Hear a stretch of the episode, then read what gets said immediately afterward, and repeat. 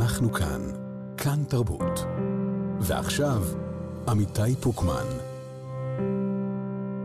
אנחנו רוצים אה, להתחיל לעסוק בפצע, בטראומה שלנו כקהילה, ובמלחמה על הנרטיב, גם ביום שאחרי. מי אשם, איך קרסה הקונספציה, איך יודעים אם טעינו, או מה הייתה ההחלטה הנכונה.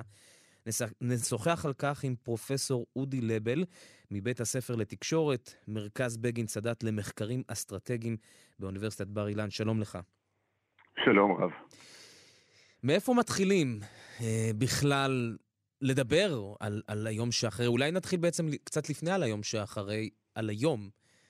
אנחנו נמצאים באיזשהו קרב כבר, נראה לי. מי טעה, מי צדק. נכון, היו הימים הראשונים, בהתחלה כולנו התאחדנו, אבל אפשר כבר בימים האחרונים לראות כל מיני סרטונים של חברי כנסת מפעם שמדברים בעד או נגד ההתנתקות, בעד או נגד חיזוק החמאס. יש איזשהו, התחילה מין מערכה של מי ידע יותר טוב לזהות את הנולד. נכון. אה, יש איזושהי טעות שהרבה אנשים הגדירו בהתחלה את האירוע הזה כאיזושהי... מלחמת יום כיפור שנייה, ולצערנו, אבוי לה לצערנו הזה, אבל אה, לצערנו זה, זה, זה, זה מאוד לא נכון. מלחמת יום כיפור הייתה, עם כל האסון שבדבר, ואני אפסיק לומר את זה כי אנחנו לא עוסקים בדירוג אסונות, mm-hmm. הייתה טעות של הנהגה, אבל אחרי שהיה ברור שמדובר בטעות של הנהגה, אה, היה מדובר ב... הנהגה שאספה את עצמה, ובסופו של דבר המדינה הונהגה נכון. זאת אומרת, אחרי באמת שההנהגה לא קיבלה החלטה נכונה ולא יצאה בזמן למלחמה, בסופו של דבר המדינה תפקדה, ויש כאלה שאפילו יגידו, תפקדה באופן מעורר השתאות. אה, זה מה, נכון זה אומר, כך... מה זה אומר טעות של, טעות של הנהגה? זאת אומרת... מלחמת יום כיפור, שאני באמת אה, אחד החוקרים ש, ש, ש, שלה ושל אה, חקירתה ותוצאותיה והדרישות שהועלו בעקבותיה והחברה האזרחית שהוקמה בעקבותיה, ואני שותף לכמה ספרים ומאמרים שיצאו עליה, היא מלחמה שהקרב ש, שפרץ בחברה האזרחית היה איך היינו יכולים למנוע אותה ולא אה, לא הותקפה בה המדינה, הותקפה, הותקפה בה ההנהגה. זאת אומרת, היה ברור, בוא, בוא נגיד את זה ככה. את מלחמת יום כיפור ההנהגה קיבלה מסרים שהיא עומדת לפרוץ, והמדינה מרגע שהמלחמה פרצה, בסופו של דבר מדינת ישראל באופן מעורר השתאות, ביחס לנסיבות הטרגיות שהיא יצאה את אותה מלחמה, היא ניצחה את אותה מלחמה. זאת אומרת, המדינה היא גייסה מילואים, גייסה את הצבא, והצבא, ביחס לנסיבות הבלתי נתפסות, שהוא יצא אל אותה מלחמה, צבאות ערב בעדיפות בלתי נתפסת, נוצחו. ולא רק שנוצחו, למדו בסופו של דבר אפילו איזשהו לקח, שאת מדינת ישראל לא ננצח באמצעות צבא קונבנציונלי. אה, ככה מלמדים את מלחמת יום כיפור באקדמיות צבאיות בעולם.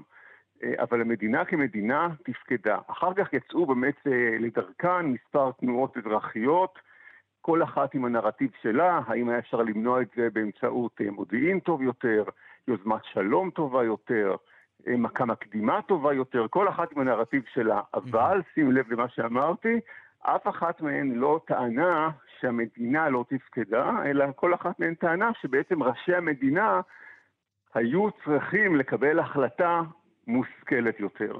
אנחנו נמצאים עכשיו במצב אחר לחלוטין. אם אני לוקח בזהירות האפשרית, כי אנחנו בתוך האירוע וצריכים להיות מאוד מאוד צנועים עכשיו בפרשנות של מה שאנחנו חשים. אז עם כל הצניעות, אם אני מתרשם נכון משלל כל הפרשנויות שאני חש כרגע מאנשים, מאתרי הפייסבוק, מאתרי הרשתות החברתיות וכדומה, אנחנו כרגע כבר בכלל לא בריב האם צדק נרטיב כזה או נרטיב אחר, אוסלו, תנו לצה"ל לנצח, ההתנתקות וכדומה, אלא התחושה עכשיו היא כבר לא תחושה של מנהיגות כזאת או מנהיגות אחרת. אלא מה? בגדה בנו, אלא שבכלל עצם קיומה של המדינה לא היה קיים כאן.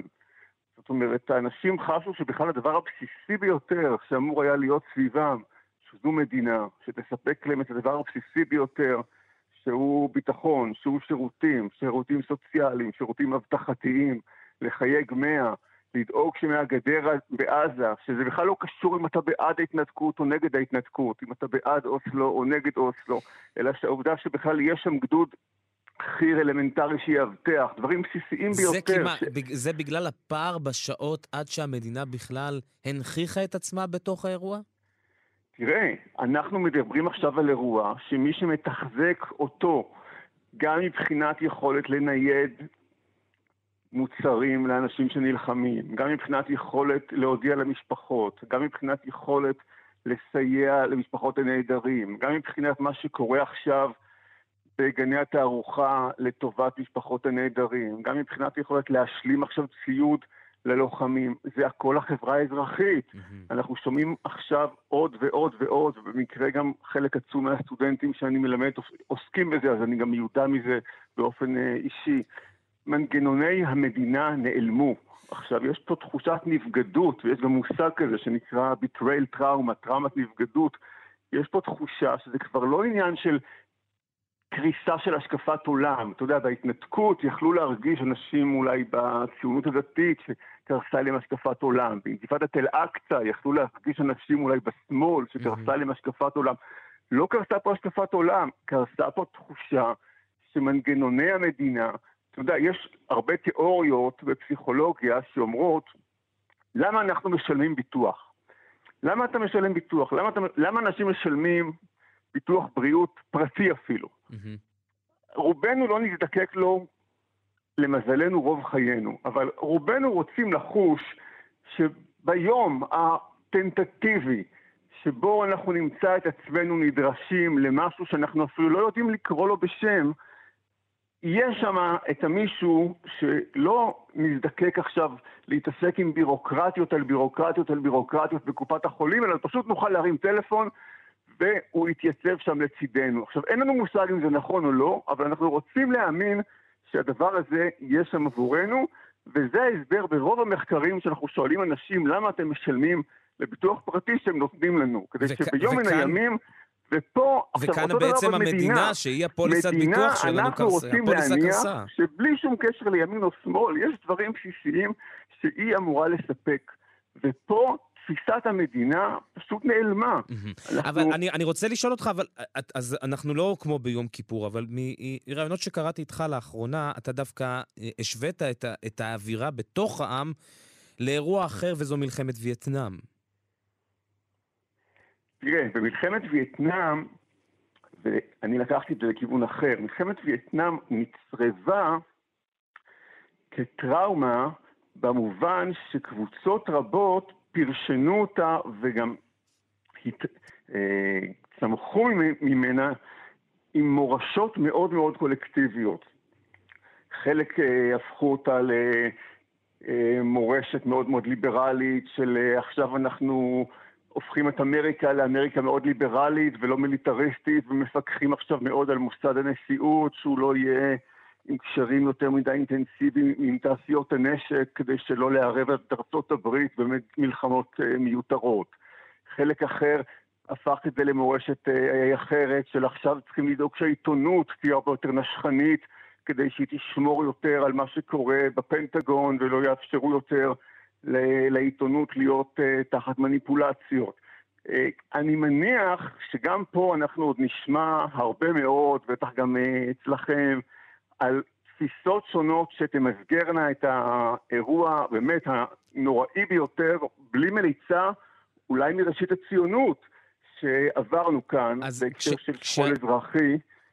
תחת איזה שהן קבוצות שונות שתיקחנה את זה אליהן, אבל הדבר היחיד שאני יכול להגיד... היום כשאתה מנתח את זה, ואנחנו עוד לא עברו שבועיים, אבל אפשר כבר אה, חושים של חוקר ו... אה, אה, גם חוקר תקשורת, גם חוקר כן, חברה, כן, בכלל, כן, כן. יש כבר כמה נרטיבים שעושים את תחילת דרכם כנרט... במלחמה על הנרטיב שינצח בסוף. אז תראה, אני לא אוהב לנחש דברים תוך כדי שהם קורים, אבל אני כן יכול אה, להגיד לך לאן אני חושב שהדברים האלה יחתרו. הם יחתרו לדברים הבסיסיים ביותר, כי פה זה כבר לא עניין של כן נתנו לצה"ל לנצח או לא נתנו לצה"ל לנצח, אלא זה ייאלץ, ואולי דרך פה זה אפילו יוכל לחבר בין קבוצות, לאיך צריכים לבנות מחדש את מה שלא היה פה עכשיו, שזאת המדינה. כי זה באמת לא עניין של אידיאולוגיה כזאת או אחרת שלא עבדה פה, אלא מדינה שבעצם ביום פקודה שאתה מצפה שהיא תעבוד, אה, אף אחד לא חש את קיומה. אה, שבאמת ייבשו אותה כל כך הרבה שנים, שביום שאתה מצפה שהיא תדפוק, שהיא תראה את נוכחותה, היא לא קרתה. ואני חושב שאנשים שונים יחפשו את התשובות איך מייצרים פה נוכחות של מדינה, וזה ידרוש באמת שיח הרבה יותר בסיסי ומעמיק מאשר אה, אירועים קודמים טראומטיים שלקחו לכיוונים יותר שטחיים ופוליטיים. אבל זה לא רק שיח, כי בסוף, בסוף התהליך השיח גם נצטרך ללכת לאיזה שהן פעולות אקטיביות. האם בכלל מדינת ישראל... לדוגמה, אה, גם היום, אבל בטח לפני 7 באוקטובר, האם היא בכלל יכולה לדבר על שיח של, לדוגמה, הלהמה בחזרה של דברים שהפרטנו, כדי, כי אנחנו רואים שאולי העסק הזה לא עבד כשהפרטנו אותו.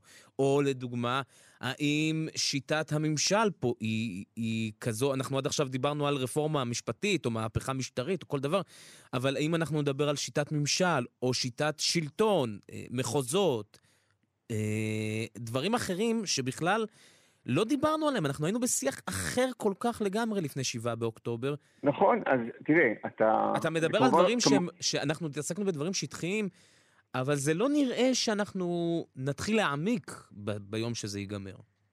תראה, אתה שואל מישהו שטענתו, טענתי, כל השנים היא שבלי הדברים האלה שום דבר לא ישתנה, ואני אוסיף לך את הוויטה שלי, שבלי גם לדבר על שינוי בשיטת החינוך, אה, העובדה שיש פה קבוצות שונות, שכל אחת נחשפת לחינוך אחר לחלוטין, העובדה שבתל אביב אפשר ללמוד חינוך אה, ליברלי, אבל מאוד חילוני, 20 דקות נסיעה משם בבני ברק, חינוך מאוד שמרני, אבל אנטי-ציוני, בלי שום זיקה לדמוקרטיה, אה, וכך הלאה, והקבוצות שונות מסוגרות אחת מן השנייה, ומנותקות אחת מן השנייה, ולכן גם עוינות אחת מן השנייה. אה, זה מסוג הדברים שאני חושב שבלעדיהם כמעט לא תהיה כאן שום תקנה.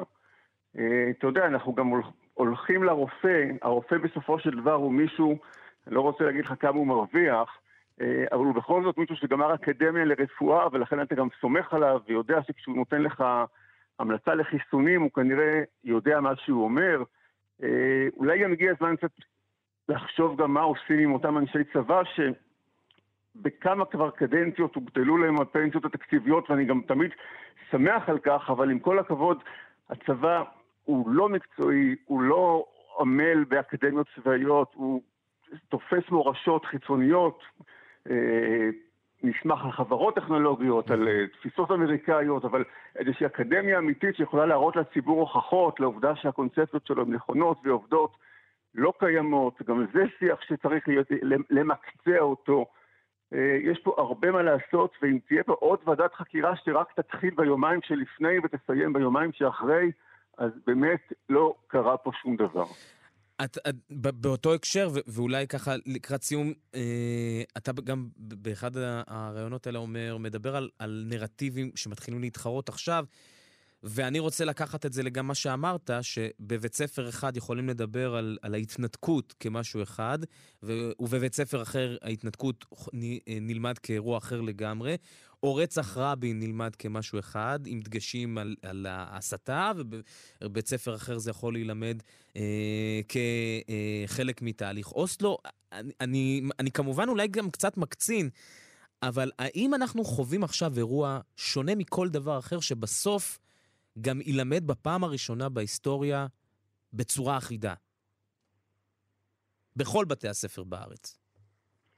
תראה, קשה להאמין, כי כרגע ישראל היא בשיא אה, של הפרגמנטציה שלה. אנחנו נכנסנו לאירוע הזה מהמקום הכי קהילתי, אה, קהילתי, כלומר חברה שמחולקת להמון המון קהילות, תוך כדי הפגנות עזות, אה, עם טינה עצומה, אה, פוליטיזציה עצומה, קהילות שיח שיש להם את ערוצי התקשורת שלהם, את הרשתות החברתיות שלהם, את ההפגנות שלהם, את זרמי החינוך שלהם. אז מאוד יכול להיות שאירוע מהסוג הזה, אי אפשר לטשטש אותו, זה לא יהיה אירוע שיהיה טראומה של קהילה אחת ולא של קהילה אחרת. האם יהיה בו אה, מסגור משותף או תפיסה משותפת? כיום אין לישראל אירועים כאלה. אפילו מלחמת העצמאות אה, היא מן הבודדות אולי שנלמדות באופן כמעט אחיד בכל זרמי החינוך, אבל שם זה כבר מפסיק. אה, כבר מלחמת ששת הימים היא כיבוש. אולי אנחנו באירוע שהוא דומה למלחמת יום העצמאות. אז זה מה שאני אומר, אולי בגלל זה. כי אפילו מלחמת ששת הימים היא כבר uh, כיבוש בזרם אחד ושחרור בזרם אחר. אז uh, אולי בגלל עוצמת הכאב והטראומה, והעובדה שיש פה כל כך הרבה זרמים וחללים ששייכים לכל המגדרים והאתניות והקבוצות, עשוי להיות כאן משהו מחבר, ושוב הכאב הוא שבחברה ישראלית המסגור הכי קורה רק כשיש כל כך הרבה שותפים לכאב ולא רק למורשת הפוזיטיבית. מה, מהמחקר שלך ומהאופן ומה, שבו אתה למדת את יום כיפור, ככל שהמערכה תהיה ארוכה יותר, כך המאבק על הנרטיב הוא אה, קשה, מסורבל, ו... ואני יודע, ואולי גם מתוחכם, אבל לא נס... נגיע להסכמה, או ש... ו... ומנגד, האם ככל שהמערכה קצרה יותר, אז גם אפשר להגיע מהר יותר לאיזשהו נרטיב אחד? תראה, קודם כל צריך להגיד שהחברה הישראלית לא טובה עם מערכות ארוכות.